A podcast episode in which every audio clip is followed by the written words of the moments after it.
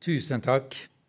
Det er også, jeg kjenner meg så velsigna av å få lov til å være her og være sammen med dere. Og få lov til å formidle noe fra, fra de hellige skriftene. Jeg vet ikke om dere husker at jeg tror det var laget som gjorde en undersøkelse blant nye studenter. Kristne studenter som ikke turte å stå fram med sin tro når de kom til et studiested. De følte seg alene som kristne. Og dette kristne budskapet som de hadde med seg fra heimplassen og sånn, det kjente de på var noe fremmed, og ville andre se ned på dem, ville andre le av dem hvis de sto fram som kristne. Og så tenker jeg, Det der er bare et tegn på hvor enormt viktig det er at vi forkynner og underviser på en sånn måte at det gir frimodighet. At vi virkelig blir begeistra over det vi har som kristne. Over det budskapet som Bibelen gir oss. Det som har begeistret Sondre, og som vi kjenner på. Dette betyr jo så enormt mye for oss. Vi må få denne begeistringen, som vi òg leser om i Det nye testamentet. De hadde møtt den oppstandende. Og de som hadde møtt den oppstanden, de var ikke i tvil om det. Maria Magdalena som løper av gårde ikke sant, til, til de elleve disiplene og forteller hvem hun har møtt. Og, og etter, Jesus, etter, at de elleve har møtt Jesus, og Thomas og sånn Hvordan de forteller om, med begeistring om han de, har, han de har sett som den levende, oppstandende. Jeg husker fra hvor lenge siden blir det? Altså, Vi hadde en fellesgudstjeneste med Frikirken. Og jeg hadde forkynt og, om, på påskedagen. Og jeg hadde forkynt og sagt dette her som, som en gjør i den østlige ortodokse kirke. Så sier han Jesus er oppstått. Ja, sannelig, Jesus er oppstått, svarer menigheten. Og så var pastor Leif Erik Nilsen der, og eh, han svarte under talen Jesus er sannelig oppstanden. Og så etter eh, eller mot slutten av gudstjenesten så gjentok han dette. Og han sto der liksom på tærne frampå plattformen. Det var som han nesten skulle lette i begeistring og takknemlighet og bekjennelse over at Jesus har stått opp fra de døde. Og så var det bare noen få måneder før han gikk på tur i Canadaskogen. Og så falt han plutselig om og døde. Men dette er altså siste minne jeg har fra Leif Erik. Den eh, denne lovprisningen, bekjennelsen, at sannelig Jesus har stått opp fra døde. Nå er vi i, er vi i adventstiden, og vi kan jo umiddelbart tenke sånn at dette er jo et tema som ikke passer så godt inn i advent. Men det er nå avslutningen på undervisning over Johannesevangeliet, så da får vi ta det med sånn. Men jeg tenker nesten motsatt. Dette passer kjempegodt inn i adventstiden. Fordi at hvis det er noe som er vårt håp, fundamentalt håp for evigheten, så er det jo det at det er ikke en tanke om en eller annen et eller annet evig eller noe sånt om Jesus, men det, men det er den levende oppstandende Jesus Kristus som kommer igjen. Han som en gang sto opp fra de døde. Så det blir undervisningen nå i dag. Nå skal vi be sammen før jeg går på jeg vil gå videre. I Jesu navn nå ber vi deg, Jesus Kristus, om at eh, det som står i ditt ord, det som står skrevet, det må bli like levende for oss som for Maria Magdalena og de andre kvinnene ved graven, som for eh, de elleve som satt der redde og forvirra som både fikk høre det, og som fikk eh, oppleve det og møte deg. Peter og Johannes som løp til graven og bare så tomme linklær ligge der og lurte på hva er dette for noe. De to på vei til Emmaus, som heller ikke skjønte Herre Jesus, men som måtte erkjenne at når du hadde utlagt dem, for dem fra Skriftene, så brant det hjertene deres eller Thomas, tvileren, som du inviterte til å stikke fingeren i naglemerkene dine og, hånden i, i sårmerket etter spydstikket i siden din. Han fikk møte deg, og vi vet om brannen og begeistringen det tente i dine, i dine venner, Jesus. Og, og, etter at de hadde fått Den hellige ånd, så gikk de ut i Jerusalem og Judea og Samaria og like til jordens ende. Og Det var en ting som var større for dem enn alt annet. Som Paulus på Araopegos i Aten. Han forkynte om din oppstandelse. Han forkynte så sterkt og så mye om din oppstandelse at noen trodde at det var en egen gud, denne Anastasis. Men Jesus, nå kan du, kan du virkelig styrke oss og tenne oss. Og jeg ber deg også, Jesus, for alle unge i Kristkirken. At de skal få et sånt fundament for sitt kristne liv og en sånn begeistring og takknemlighet over hvem du er og hva du har gjort, at de aldri, når de kommer til et studiested eller flytter til et nytt sted, aldri lar være å tro på deg og bekjenne deg. Tenn oss, Jesus. Amen. Etter at jeg leste, etter at jeg leste Hormuz Shariat sin bok om den store vekkelsen i Iran, der han eh, der han skriver om at han etter sin omvendelse til Jesus begynte å be om Jesus, gi meg en million. Og jeg har vært rundt på mange bedehus og forsamlinger nå i oktober og november og forkynt om både vekkelsen i Iran og i, i eh, Algerie og i Somalia og i Kina og India. Så har det vokst fram en sånn opplevelse, en følelse, en, mer og mer en, en tanke om at når kommer vekkelsen? Og Jeg opplevde det f.eks. da jeg var i Tørvikbygd. Det er en forsamling som stort sett består av 80-, 90- og 100-åringer. Um, og På et av møtene der så, var det, så leda sønnen til Norges eldste mann. Han, Norges eldste mann bor i Tørvikbygd og er 107 år gammel. Han har slutta å bygge, bygge Strandebarma-robåter, men han lager sko, skojern isteden. Eh, men der var det ei kvinne på litt over 90 år som da fortalte om hvordan det var vekkelse i Tørvikbygd da hun var tolv år gammel. Og eh, Det gamle bedehuset ble stappfullt. Mens de hadde møter, så sto mobben utenfor og venta på at predikanten skulle komme ut, så de kunne ta han. Fordi at vekkelsen og forkynnelsen der det førte til at folk flokka til bedehuset og ikke alle de andre stedene. Og så etter eh, møtet så, så, ble det en spontan bønnestund. Og Det ble ikke bedt om at en måtte gi menigheten én eh, million. Men sant, begynte han å be gi oss ti. Og Vi var inne i Steinsdalen etterpå, og vi ba for dalene rundt Steinsdalen. og sånn. Gi oss ti. I Kvam gi oss hundre, gi oss tusen. I Bergen kan vi be gi oss ti tusen. Og jeg bare kjenner etter hvert at det kommer snart. Det kommer snart. Og jeg tror at noe av det som vil være et fundament for oss, det at vi blir så begeistra, sånn som Sondre har fortalt, for Bibelen og for det som står i Bibelen. Jesu oppstandelse. Etter nyttår, vårsemester, så skal vi ha undervisning om første Mosebok. Første samlingen så får vi besøk av Jan Rantrud. Han er en fantastisk eh, lærer og forkynner. Så det gleder jeg meg veldig til. altså. Og han er så lærd. Han kommer her og deler med oss om skapelsen. Og så har vi noen som, som har studert forskjellige sider ved naturvitenskap og skapelse, som da også eh, er med og bidrar. Så vi begynner med det.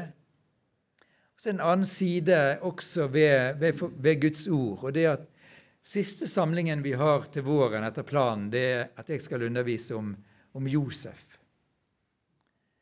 Og Jeg hadde en tale i en kirke nordpå for et par år siden. Og Det var et stort dåpsfølge der. Av, eh, det var vel kanskje noen som var troende, og noen som ikke var troende. Men jeg forkynte om Josef, Josefs liv og Josefs forhold til brødrene sine og det han hadde lært av sin far. og og det som skjedde med han senere i Egypt og i fengsel, og, hos farao og alt dette her. Det var en annen type undervisning og forkynnelse. Men det som sto der om Josef, og det jeg formidla om Josef, det en sånn gjenklang i hjertene på de som var til stede i det store dåpsfølget. Dette måtte de snakke om seinere.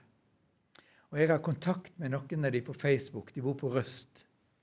Og det er bare så interessant, altså, å oppleve hvordan historien i Bibelen vinner jo gjenklang i hjertene våre. Det er relevant for oss. Og Jesu oppstandelse hjelper meg, altså. For et budskap. For et budskap. Og nå har jeg lyst til òg å da, Når vi presenterer dette, å vise hvor relevant det er. I begynnelsen av Lukasevangeliets eh, latinske oversettelse står det 'factum est', som begynner Lukasevangeliet. Faktum est, og det handler om Jesu oppstandelse. Det er ikke en myte. Lukas er 100% overbevist om at dette har skjedd på den måten som han skal beskrive der. Og Lukas, han var altså Det er mange som holder Lukasevangeliet for et av de beste historiske dokumenter fra antikken. Det er ikke tull og tøys, det som står der. Det er virkelig faktum est. Og sånn kan vi si om eh, om oppstandelsesberetningene også. Og jeg skal vise til, til tre bøker som ble til som nærmest sånn forskningsprosjekt. Som hjelper oss til å forstå dette, at dette er ikke noe som oppspinn eller eventyr. Det nye testamentets presentasjon av Jesu oppstandelse står seg når en undersøker det vitenskapelig. 'Who Moved the Stone' av Frank Morrison. Han eh, var en som var ganske betatt av Jesu liv og ble berørt av Jesu død. Men det der med Jesu oppstandelse, det klarte han ikke. Så han bestemte seg for at dette må jeg jo undersøke nærmere. Og han gikk til kildene, og han gikk han har gått så grundig gjennom disse syv siste dager av Jesu liv, og så påskedagen med Jesu oppstandelse. Og Det er utrolig interessant når han går gjennom argumenter og motargumenter for Jesu oppstandelse. Boken heter 'Who Moved the Stone'? Hvem flyttet på steinen framfor graven? Nå kan, ikke, nå kan, ikke, vi ta tid til å, å gå gjennom alt det han skriver her, selvfølgelig. Men denne finnes som PDF på nettet. Så det går an å laste det ned, har Stein Erland funnet ut. Og så kan en, kan en lese der alle argumentene som han har for og mot. Han som har skrevet forordet i den boken, 'Who Moved the Stone', han heter Lee Strobel. Han var en prisbelønna journalist i USA. Og um, der er også laget en film om uh, hans opplevelse og hans vei til tro på Jesus og Jesu oppstandelse. Og Det som skjedde, var jo at både han og kona var ateister. Og De satte sin ære i å være ateister. En annen ting ved dette her er at uh, Lee Strobel hadde et veldig dårlig forhold til sin far. Og at det har påvirket hele hans trosliv også. Men, uh, men så opplever de et mirakel med datteren og den som får være Guds redskap til å redde datteren fra å dø, er en kristen kvinne. Så etter hvert så får hun lede Listobbels kone til tro på Jesus. Og Listobbel blir rasende. Og han blir så oppsatt på at han skal motbevise alt dette tullet om Jesus. Og høydepunktet holdt på å si, med historien med Jesus, det er oppstandelsen. Så han går i gang. altså. Han oppsøker rettsmedisinere, historikere, arkeologer um, You name it, hva han oppsøker av vitenskapsfolk. For å få de argumentene han trenger for å motbevise at Jesus har stått opp fra de døde. Og Han blir bare mer og mer frustrert, for det er ingen som hjelper han. Og Det er ikke noen eh, dumme folk. Det er ikke alle som er troende av de som man intervjuer, eller kristne. Tvert imot. Men de sier vi har bare ikke argumentene du spør etter. Og så ender det opp med da vi får se på filmen f.eks. at han sier God, you win. Gud, du vinner.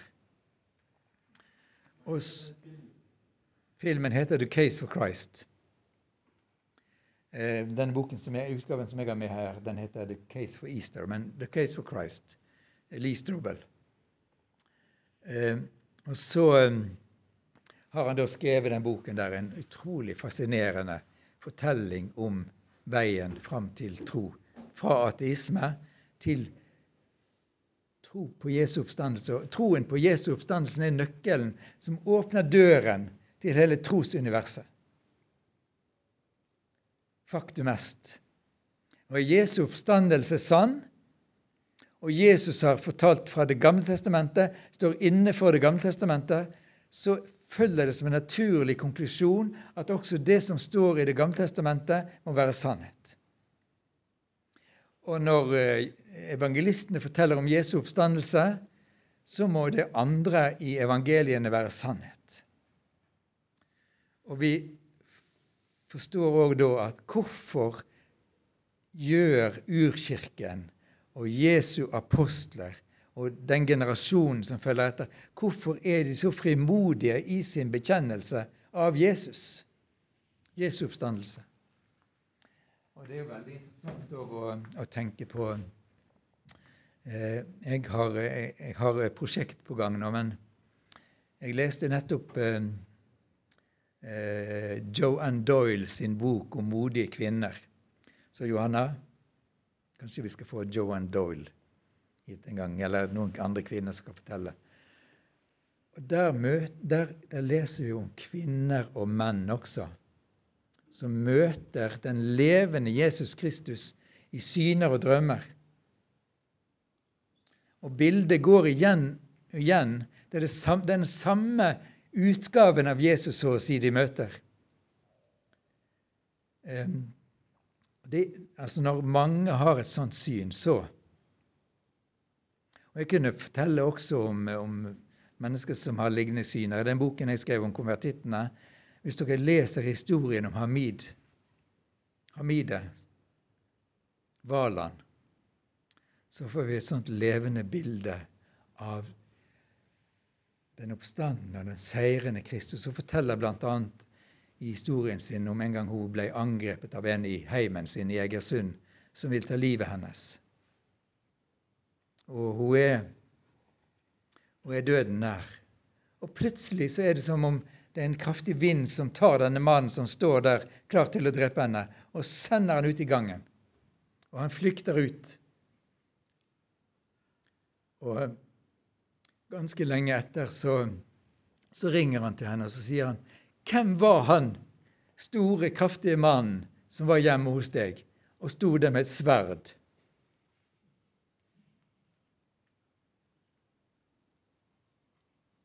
Og så får hun lede denne mannen til Jesus. Det er den oppstandene som, som, eh, som viser seg, åpenbarer seg. Og jeg vil, jeg vil, si det så sterkt at hvis vi skal finne et fundament for vår tro, så er det Jesu oppstandelse. Eh, da vi eh, hadde, vi hadde ofte, veldig ofte Ja, gå tilbake igjen. Vi hadde veldig ofte eh, bokstender sånn da jeg var student. Var på Blindern på universitetet. Og det var jo ved siden av oss sto, eh, sto de aller mest røde, sant? Marxist-leninistene. Og de var kjempefrimodige, og det hjalp oss kristne til, til, å være frimodige fra studentlaget. Og vi hadde stabler av den boka der. 'Dagen da døden døde'. De stabla vi opp, og så var det det vi presenterte. Eller kanskje den på den tiden vi hadde den forrige versjonen som het 'Jesus lever'. Um, hvis noen hadde utfordra meg på dette med naturvitenskap i forhold til skapelse, så hadde de høyden blitt remis. Jeg tror jeg hadde tapt. Og um, en del andre sånn lignende ting. Men når det kom til dette med skapelsen, når jeg hadde lest den boka der, så kjente jeg meg så trygg. Jeg kjente meg altså så trygg. Og siden det vært sånn for meg at eh, hvis jeg skulle havne i diskusjon med noen, så er det der jeg kjenner at jeg både kan forsvare og jeg kan angripe. Um, I um, Jeg har vitna i veldig mange saker i retten når det gjelder konvertitter. Asylsøkere som har konvertert til kristen tro. Og så hender det at det blir spurt av religionsvitenskapelige folk. Ja, men hvorfor valgte du akkurat Jesus? Det er jo andre historier om, om sånne som har stått opp fra de døde. Og så nevner de Osiris. Osiris-myten.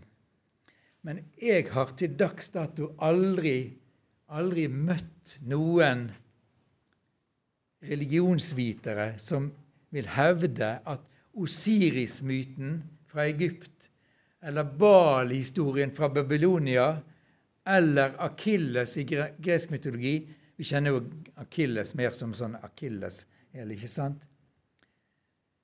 eller disse oppstandelses- og evig livshistoriene fra hinduismen, at de peker tilbake igjen på en historisk person.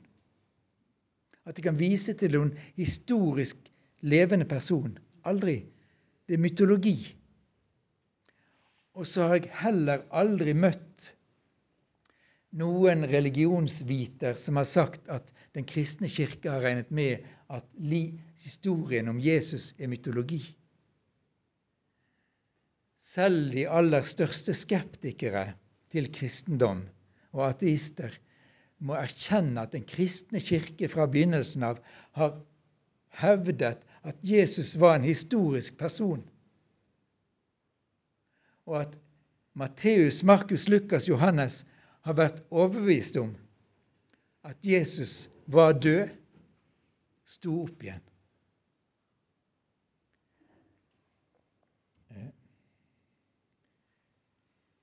Det er tre trinn for oss som jeg har lyst til å ta med nå når vi har denne undervisningen. Det første trinnet er jo at vi har undervisning og forkynnelse, eller sånn som Sondre, vi leser om Jesu oppstandelse og troen vokser fram i oss. Og, Paulus, som vi skal komme tilbake til det avsnittet i Apostelgjerningen 17, han underviste på Areopagos i Aten. Det var der alle filosofene kom sammen, epikureerne og stoikerne kom sammen og diskuterte. Hvordan skal vi tenke om Gud? Hvordan skal vi tenke om livet? Hvordan skal vi tenke om evigheten? Hvordan skal vi tenke om opprinnelsen til universet? Altså Alt mulig diskuterte de.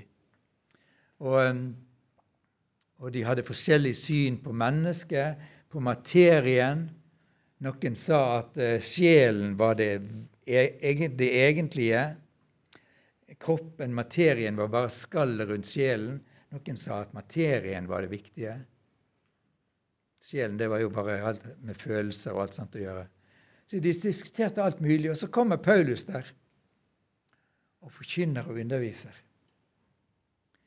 Og han talte så sterkt om Jesus og Anastasis, om oppstandelsen, at de trodde at han talte om to guder. De trodde han talte om Jesus og en gud som het Anastasis. Men det var jo Jesus og oppstandelsen i kombinasjonen han talte om. Og så står det det at det var noen som gjorde narr av han, men det var òg andre som kom til tro og sa dette vil vi gjerne høre mer om. Men dette er første steg for oss. At vi hører forkynnelse, undervisning, vi leser om. Og så det andre steget det er at vi kommer til en tro. Vi sier dette må være sant. Men det tredje trinnet i våre liv det at vi, at vi har et møte med den oppstandende. Personlig. På en eller annen måte det kan være bare den herre grunnleggende overbevisningen. Jeg har aldri sett Jesus i et syn. Jeg var iallfall ikke der i Jerusalem der, de dagene etter Jesu oppstandelse og møtte han fysisk. Så for oss er det mest naturlig at gjennom lesingen av Guds ord og forkynnelsen så kommer det en tro i våre liv. Dette, dette, er, dette bare, må bare være sant, altså. Og det, det ligger meg sånn på hjertet at når vi har undervisning og forkynnelse, så må vi få med dette fundamentet for vår tro. At ikke men, kristne menneskers opplevelse, nei, tro bygger på forskjellige typer opplevelser. Så når en ikke har de opplevelsene lenger, så hva da? Eh, det var en som har gjort undersøkelser av, av forkynnelse i den anglikanske kirke. Og Han sa det at av 6000 prekener, tror jeg det var, eller var det 2000 prekener, så var det kun 60 som hadde med det om Jesu oppstandelse. For meg blir det ikke rett. Det er så fundamentalt. Jeg vet ikke, jeg, hvis noen sånn jeg, jeg satt i går og leste om, om nye kristne i Vietnam, Somalia, Irak, forskjellige steder. altså som ble trua på livet til å forlate troen på Jesus. Familien trua dem på livet. Så kunne de ikke. Det møtet med Jesus det har gjort noe med livet mitt. Og dette vet jeg, det, altså, dette livet som jeg lever nå, det har en sånn lengde, mens evigheten den er ubegrensa. Og Jesus har gitt meg del i det. Jeg kan aldri forlate det. Så her er altså bokbordet vårt på, på Blindern i sin tid. Og hvis jeg skulle få en mulighet Nå kan jo innfallsvinklene være så mange når vi møter, møter mennesker som ikke eier vår tro. Eh, men hvis jeg skulle få en mulighet til bare å begynne å forklare min kristne tro, så måtte dette være et så grunnleggende element i det. Kanskje der jeg begynte. Og Innfallsvinkelen er jo veldig forskjellig. Altså, er, det en, er, det en, jøde eller er det en hindu du møter? Så det er klart at de, de har så forskjellige tanker om det. Men, men Jesu oppstandelse er så sentralt.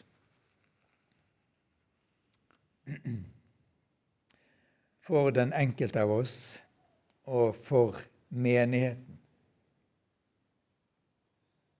Noen som har vært i gravhagen i Jerusalem? Har du vært der, Terje? bakerste Terje? Ja. Så jeg, vet ikke du, hvor du tror det var. Om det er nede der ved, ved, ved gra... Jeg var der, ja. jeg, skal ikke, jeg skal ikke ha sterke meninger her og nå om det. Det er mindre vesentlig. Men uh, det står på den døra der He's not here, for he is risen. Han er ikke i graven. Det var vitnesbyrdet fra de første òg. Han er ikke i graven. Han er ikke her. Han er oppstått, som han sa. Og det herlige er jo at vi i dag kan si han er her. For han er oppstått.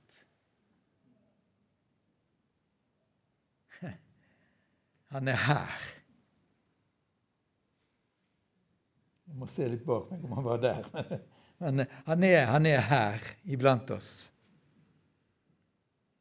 Og jeg vil jo ikke holde det for usannsynlig heller at vi etter ha hatt undervisning og forkynnelse sånn at en som i natt eller en kommende natt får en drøm om Jesus. Eller et syn om Jesus. Jeg syns ikke det ville være unaturlig. Og at på en gudstjeneste i en stund inn i fremtiden, eller ganske snart, det er en som hopper fram og sier jeg heter vitnesbyrd. Vet du hva som skjedde med meg? Eller hva jeg opplevde? Så Jesus. Why not? Jeg så Jesus. Skal vi ta for oss skriftstedene? Og Siden vi er Johannesevangeliet, så begynner jeg der. Og så er det vi tar nå for oss framover, så har jeg prøvd å, å gjøre det her litt sånn kronologisk. Nå har vi holdt på i en halv time, og jeg ser, jeg ser her er så utrolig mye å hente fram fra disse skriftstedene. Men nå skal vi ta Johannes som hovedskrift der, og så skal vi òg ha et sideblikk til Markus og Matteus og Lukas. Og Grunnen til at jeg har satt opp og nevner Markus først, det er at vi regner Markusevangeliet for det eldste Um, som en slags kilde. Og noen, eh, noen, forskere og teologer vil jo gå så langt som å si at Markusevangeliet det, liksom, det bygger på denne felles kukilden, og så har vi de andre som har bygd på.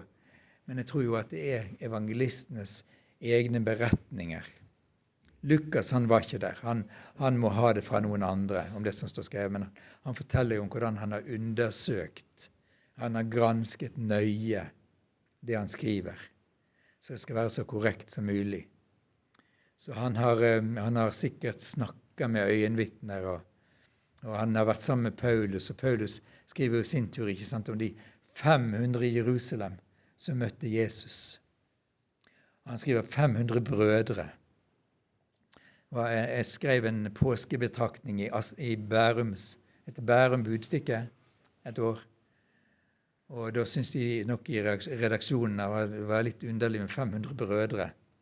Så de hadde forandra teksten til 500 bønder. Men det var altså 500 brødre av Paulus som hadde sett Jesus etter hans oppstandelse. Så Lukas har gått grundig til verks snakker med folk. Og Det er veldig artig med, med Paulus skriver dette i 1. Korinterbrev 15, så sier han og av dem lever de fleste ennå. Så hvis dere er i tvil om det jeg skriver, så ta dere bryet med å reise til Jerusalem og intervjue dem. Tidlig om morgenen, den første dagen i uken. Det er mulig å lese der, sant? Men dere har jo bibler med dere også. Tidlig den første dagen i uken Altså sabbatsdagen. Nei, ikke sabbatsdagen. Jeg hadde venta en protest med en gang. Dagen etter. Søndagen. Den første dag i uken. Sabbaten er jo den sjuende dag, ikke sant? Så vi har gjort klussa der litt til. Vi snakker om god helg. Så blir det fra fredag ettermiddag, lørdag og søndag. Så mange nye kalendere avslutter uken med søndagen. Men søndag er den første dag i uken sånn i, i bibelsammenheng. Tidlig om morgenen den første dagen i uken, mens det ennå er mørkt, kommer Maria Magdalena til graven. Da ser hun steinen foran graven Da ser hun at steinen foran graven er tatt bort.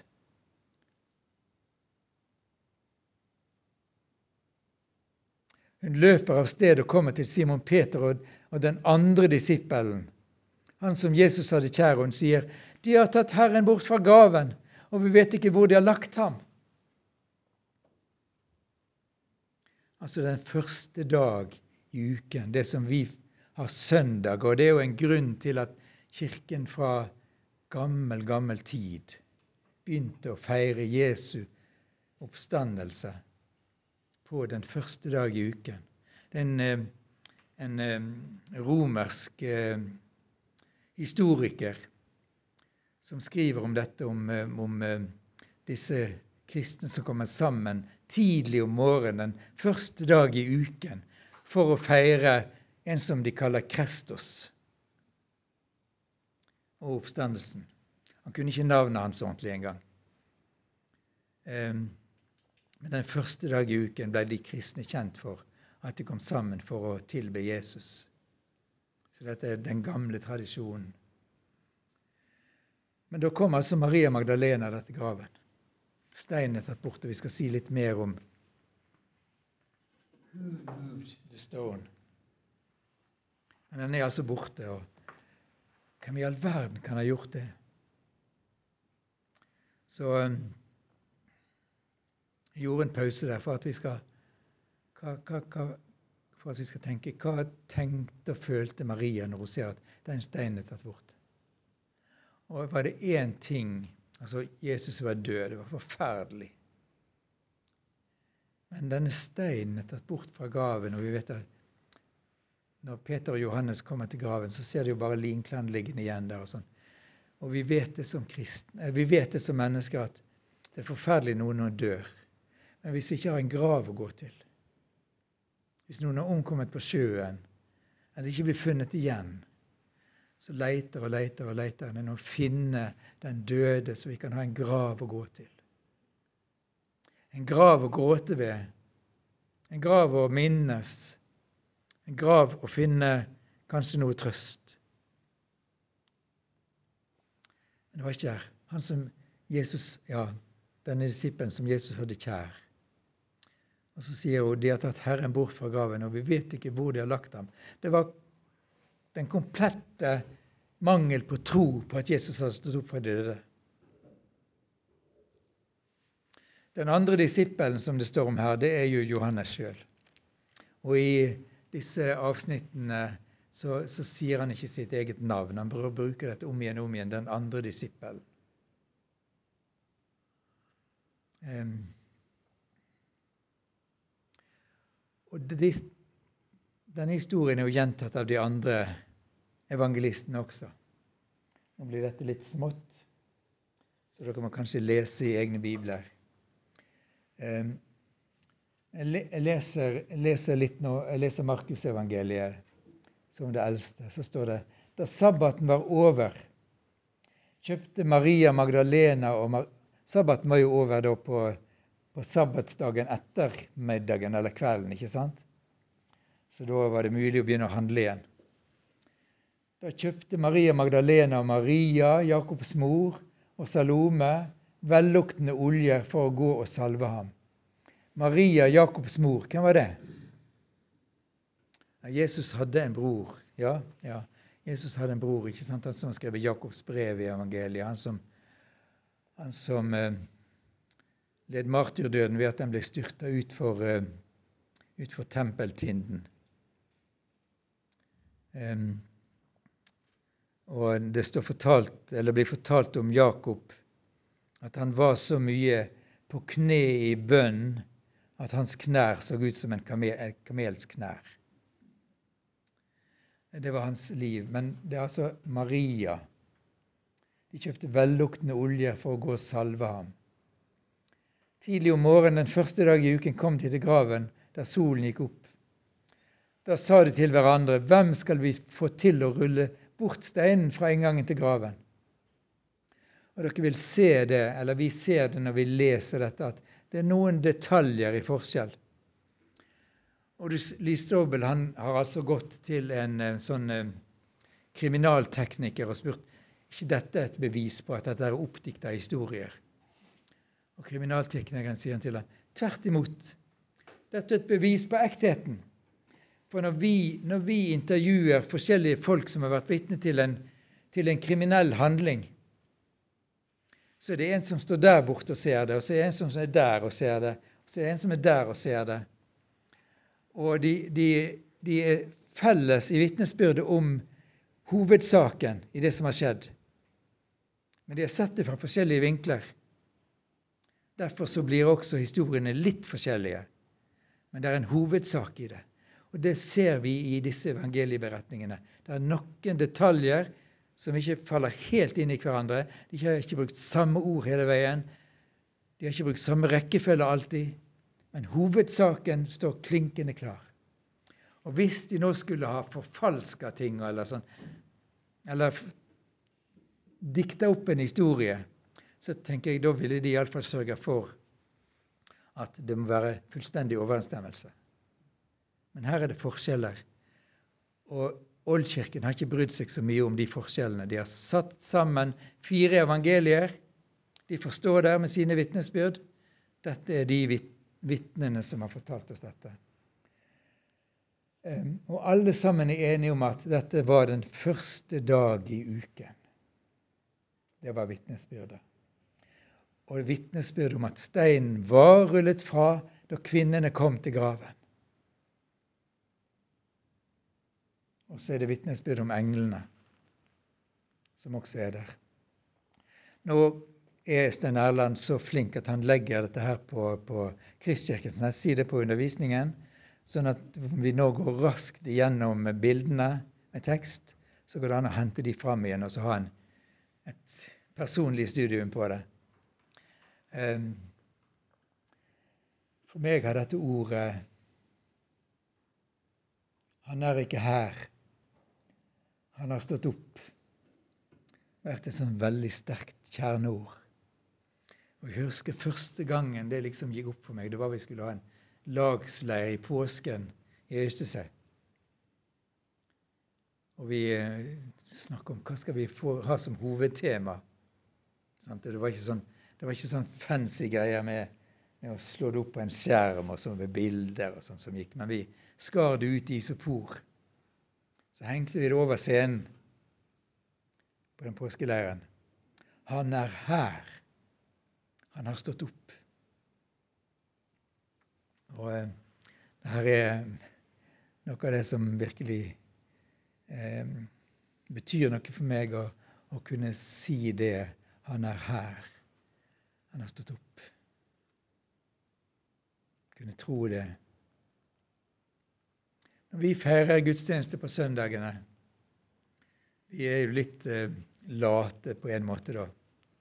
Vi kommer ikke sammen før klokka elleve. Langt på dag. Og lenge etter at han har stått opp. Jeg har vært, eh, Snakk om å være afrikaner. Jeg har vært på en del gudstjenester i Afrika. Første gudstjeneste på søndagen begynner klokka sju, kanskje. Og så har de neste klokka ni, og så har de neste klokka 11.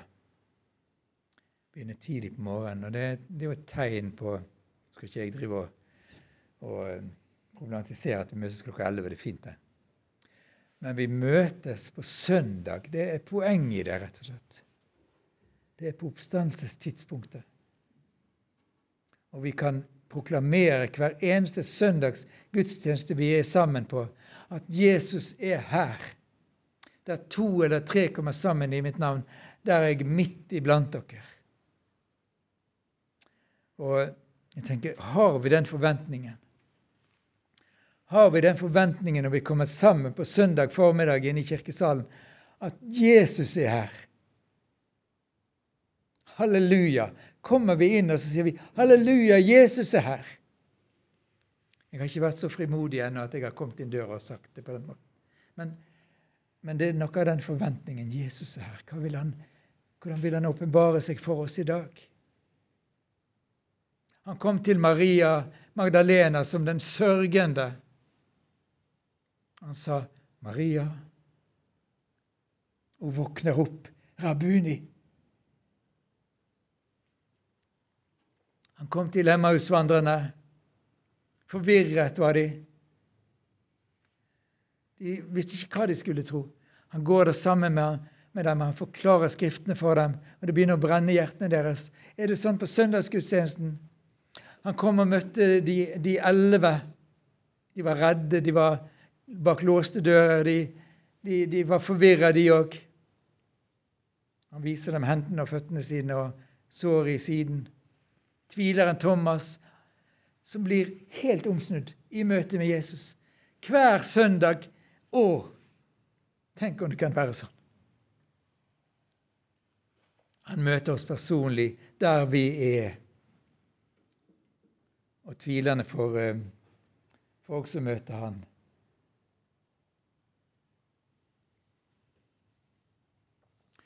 Det er, en, eh, det er en film, den er vel på en vet ikke, Iallfall over en time, som heter 'Dorison'. Jeg, jeg, tenkte jeg skulle få tid denne uka her og, og laste den ned og se den. For selv om det er litt betaling, så, så hadde jeg hatt råd til det. Men det er jo et tips å kunne se den. The Risen. For eh, når vi skal ha noe å presentere for folk som vi kommer i samtale med om troen, sånn, så er det ofte veldig greit å ha noe å gi. Noen har alfaboken kanskje å gi, eller annen litteratur og sånn. Jeg husker på Framnes, den tid det var folkehøyskole, så var det en um, elev fra Marokko. Han var muslim, og han nektet for dette som Bibelen forteller om Jesus. Men det er rart når når du har en film å vise. Så um, følger han med på filmen, og det ikke, du begynner ikke å argumentere underveis. Du følger med. Så han satt der og så. Og muslimer tror ikke at Jesus døde på korset. Og da tror de jo heller ikke at han sto fra de døde. Og satt der og fulgte med. ikke sant? Og det var jo en, Jeg vet ikke hva vi ville sagt i dag, det er mange år siden dette, vi ville sagt det var en dårlig teknisk sak. eller sånn. Men han satt og fulgte med, og så blir Jesus hengt på korset. Og så ser du at Jesus dør. Og så sier han, bryter han ut. Døde han nå? Og etter den episoden så var denne muslimske eleven fra Marokko på hvert eneste kristne møte på Hamnes. Og jeg tenker altså, Dette her er ikke tullefilmer. Vi tror på det, og vi kan bruke det. Du får noe som mange mennesker ikke har tenkt igjennom. Er det virkelig? Så leser du, hører du, ser du He's risen. Kanskje det kan føre til tro. Del det med venner. For Poenget er jo ikke her å stå, stå her nå og undervise en masse, og så er det liksom interessant og grei undervisning og sånn. Jeg vet ikke hva dere syns, forresten. men så har vi en historie, da, og dette her blir i Matteusevangeliet. Det står om et rykte blant jødene om, om dette. Hvem hadde, hvem hadde rullet til, til side steinen, og hvem var det som hadde hvem var det som hadde fjerna Jesus fra graven? Og, og det var jo livsfarlig for romerske soldater å ikke passe på å gjøre det de skulle gjøre, eller for andre, de andre soldatene. Det var dødsstraff for ikke å følge den ordren og passe på en grav eller andre ting. Så kommer det et rykte altså, om overstepresten og de andre som da har, eh, har ja, betalt penger for å få soldatene til å fortelle en oppdikta historie. Et rykte. Og um, går ikke nærmere inn på det, men det, det hadde jo vært interessant å sett om det fantes fantes noen, um, noen, skrifter eller noe som fortalte om at det hadde vært et rykte. Det hadde iallfall holdt seg en stund da i Jerusalem blant jødene. Men det var ikke det ryktet som vant fram, det var budskapet om Jesu oppstandelse. Folk trodde det. Og jeg tror det både var fordi at det var, det var til å stole på, men det var også fordi at Den hellige ånd bekrefter det i hjertet på folk. Eh, linkledet som lå igjen i graven. Var det noen som tok vare på det? Vi vet jo ikke for sikkert, men i Torino ble det funnet det som kalles likklede. Og som da, når det blir eh, undersøkt, så bærer det merker av et menneskeansikt. Og det bærer merker av en kropp, hender, føtter som har hatt nagler i seg, der det er blodsmerker. Og i dette tørkleet som lå for seg sjøl, så er det også merker etter blod. Og det gir det bildet av et ansikt som du ser her. Oddvar Søvik og en annen nede i, på Sørlandet har undersøkt det nøye. og Oddvar Søviks sønn Atle Ottesen Søvik han har skrevet en bok om det. Han er forsker på Menighetsfakultetet.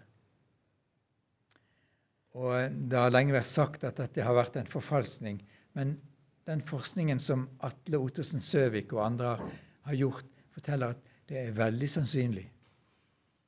Nå skal ikke jeg eh, ta mine egne uttrykk, men det er ganske sannsynlig at dette her kan være altså linklærne hodetørkle, som det står fortalt om, lå igjen inne i graven. Og det er veldig talende med disse merkene som er der. Men la nå det, det være om dette er et bevis på en eller annen måte. Men i alle fall så står det fortalt om det da Peter og Johannes kom der til graven. Den andre disippelen var kommet først fram, men han vågte jo ikke å gå inn. Sarte Johannes men han var raskere til beins. Men Peter, tøffingen, på en måte, han gikk rett inn. Og Der ser han dette ligge. Um, akkurat som om Akkurat som Hva heter det for noe? Puppet?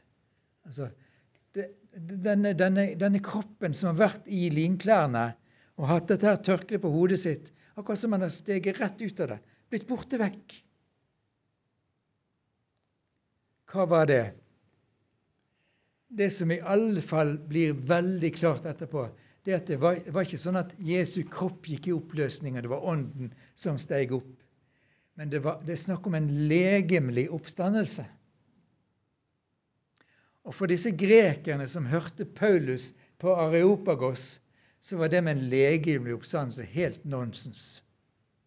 Det var ikke det de lengta etter. Det samme vil, en, vil, du i, ja, vil, du oppleve i møte med en hindu. Det er, ikke, det er ikke en legemlig oppstandelse som er interessant, for legeme er jo bare et skall, i beste fall. I verste fall er det dårlig materie. Og grekerne de lengter etter å bli fri dette her, som både er prega av sykdom og andre ting. De skal bli fri. Det er det sjelen som, bli, som skal bli forløst. Men evangeliets beretning og de første kristnes beretning det er at Jesus har stått legemlig opp fra de døde. Og Det er derfor han kommer i møte med sine disipler og sier, 'Ta på meg. Kjenn på meg.' Det er en kropp som står her. Det er jeg, sier han. Det er han Jesus som dere kjente. Det er en levende kropp. Og når de tvilte, så sa han, 'Gi meg noe mat, brød og fisk.' Så spiste han mens de så på. En ånd eller en sjel spiser ikke. Men en levende kropp, et levende menneske, gjør det. Og det jo, Jeg syns det er så forunderlig at evangeliene er med sånne, sånne ting. Hvis det ikke var snakk om en legemlig oppstandelse.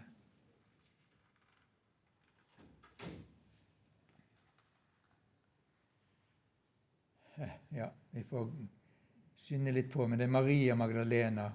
Maria Magdalena. Å, Maria Magdalena.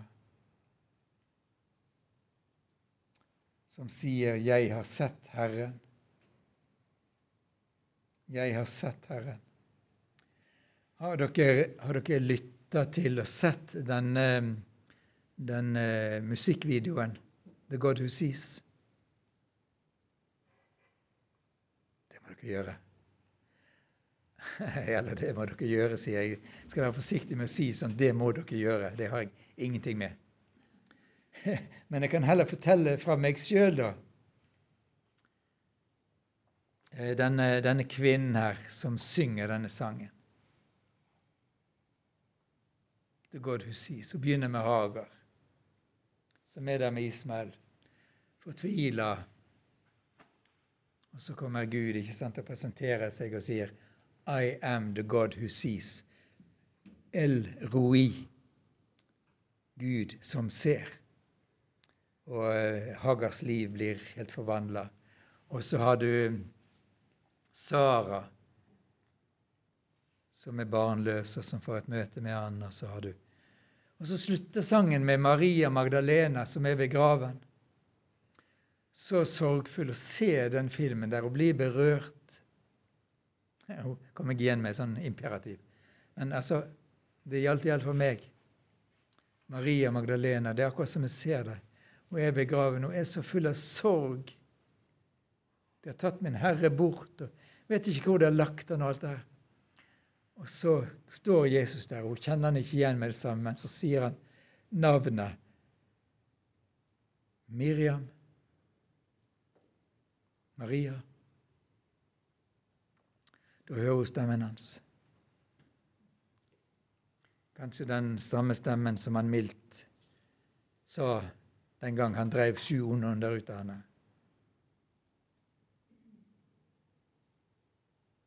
Og du ser bare denne kvinnen som reiser seg opp og jubler og danser.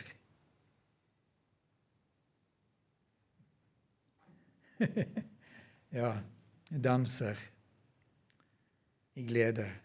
Altså, hele det indre blir forløst. Eh, vi har millioner av sånne vitnesbyrd gjennom historien også. Jeg skal eh, samarbeide etter planen med en eh, somalisk kvinne som også hadde samme navn, og heter Mariama, om å samle noen vitnesbyrd fra Var det klokka som ringte, ja? Samle noen vitnesbyrd fra somalis, somaliere som blitt kristne. Og Mariama sjøl hadde den opplevelsen. Hun satt så fortvilt i bilen sin og kjørte. Da var hun kommet til USA. Satt så fortvilt og ropte til Allah om at han måtte vise seg. Og så plutselig så ser hun framfor seg korset på en kirke. Og det ropt til Allah. Og så ser hun korset. Hun stanser bilen og går inn i kirken og møter pastoren og ber han om hjelp.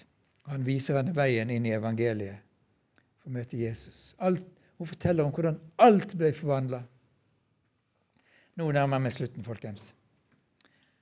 Jesus viser seg for Emmausvandrerne. Ja, jeg vet ikke. Altså Lukas kunne jo ha dikta opp en sånn fortelling. Men eh, måten han skriver på, forteller, er så ekte.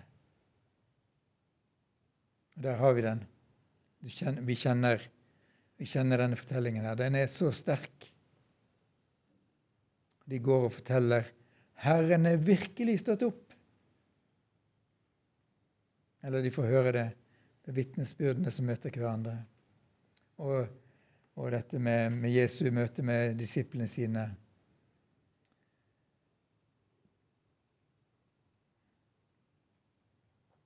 Jeg vet jeg må stanse nå. Der har vi Thomas-fortellingen. Og så er det noen et par andre fortellinger eh, fra andre skrifter i Nytestamentet. Men vi vet at det som apostlene, disiplene til Jesus hadde opplevd, og kvinnene også, det kunne de ikke la være å fortelle om. Hele apostelens gjerninger syder av det.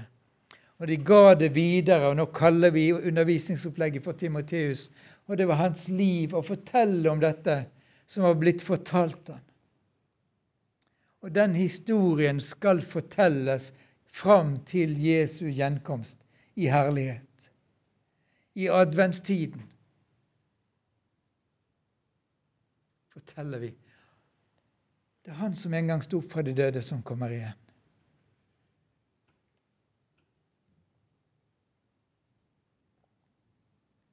voldsomt der. Hvor mye jeg har med. Apostelgjerningen 17 har vi nevnt. Sagt litt om, så det tar vi ikke opp igjen nå. Og så er det ett avsnitt i første Korinterbrev, 15. Og det er til, til de med gresk, kulturell, eh, religiøs bakgrunn i Korint. Og de har hørt evangeliet, og de kommer til tro på evangeliet. Og Paulus skriver jo i innledningen til Korinterbrevet vil ikke vite noe annet blant dere enn Jesus Kristus og han korsfesta. Og det har de tatt imot. Men så er det noen som har kjempeproblem med oppstandelsen.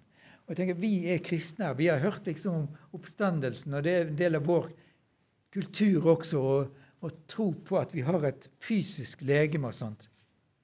Men for disse grekerne i Korint så var det der problematisk. Hva er en kropp? Hva er et legeme? Hva er materien? Og Da må Paulus virkelig understreke at hvis Jesus ikke har stått opp legemlig, så er vår tro ingenting. Dere i Korint, jeg har vært der og forkynt evangeliet. Dere kom til tro på Jesus. Men hvis Jesus ikke har stått opp, så må dere forkaste alt jeg har lært. Det er det han sier til dem. Og Vi har lest dette her gjennom historien i kirken. Hvis ikke Jesus har stått opp fra de døde, så kan vi forkaste alt sammen. Det er tull og oppspinn. Så testen står på har Jesus virkelig stått opp fra de døde. Ja! ja! Han har stått opp fra de døde. Ja! Kristus er sannelig oppstanden. og første Peters brev til kristne som opplever så store trengsler og vanskeligheter. Hvordan skal de holde ut? Et trøstens avsnitt til kristne som blir forfulgt for sin tro. Hvordan skal de holde ut? Og så begynner Peter med å skrive Lovet være Gud og Herre Jesu Kristi Far, som har gjenfødt oss til et levende håp. Ja, det kunne si, så langt kunne du si til en hindu. Men det som kommer etterpå, er revolusjonerende. Ved Jesu Kristi oppstandelse fra de døde Derfor. Ja, og det er til en arv som aldri forgår, aldri skitnes til og aldri visner. Den er gjemt i himmelen for dere nå, men dere skal få erfare det. Hold ut. Dere skal få del i denne oppstandelsen. Da står det at lysbildeframvisningen var slutt. Det er det. Jeg holdt på å si da kunne første halleluja komme, men, men Far, vi takker deg. Ja, vi priser deg, Jesus. Vi har hatt grunn til å synge de sangene vi sang. Ja. Amen.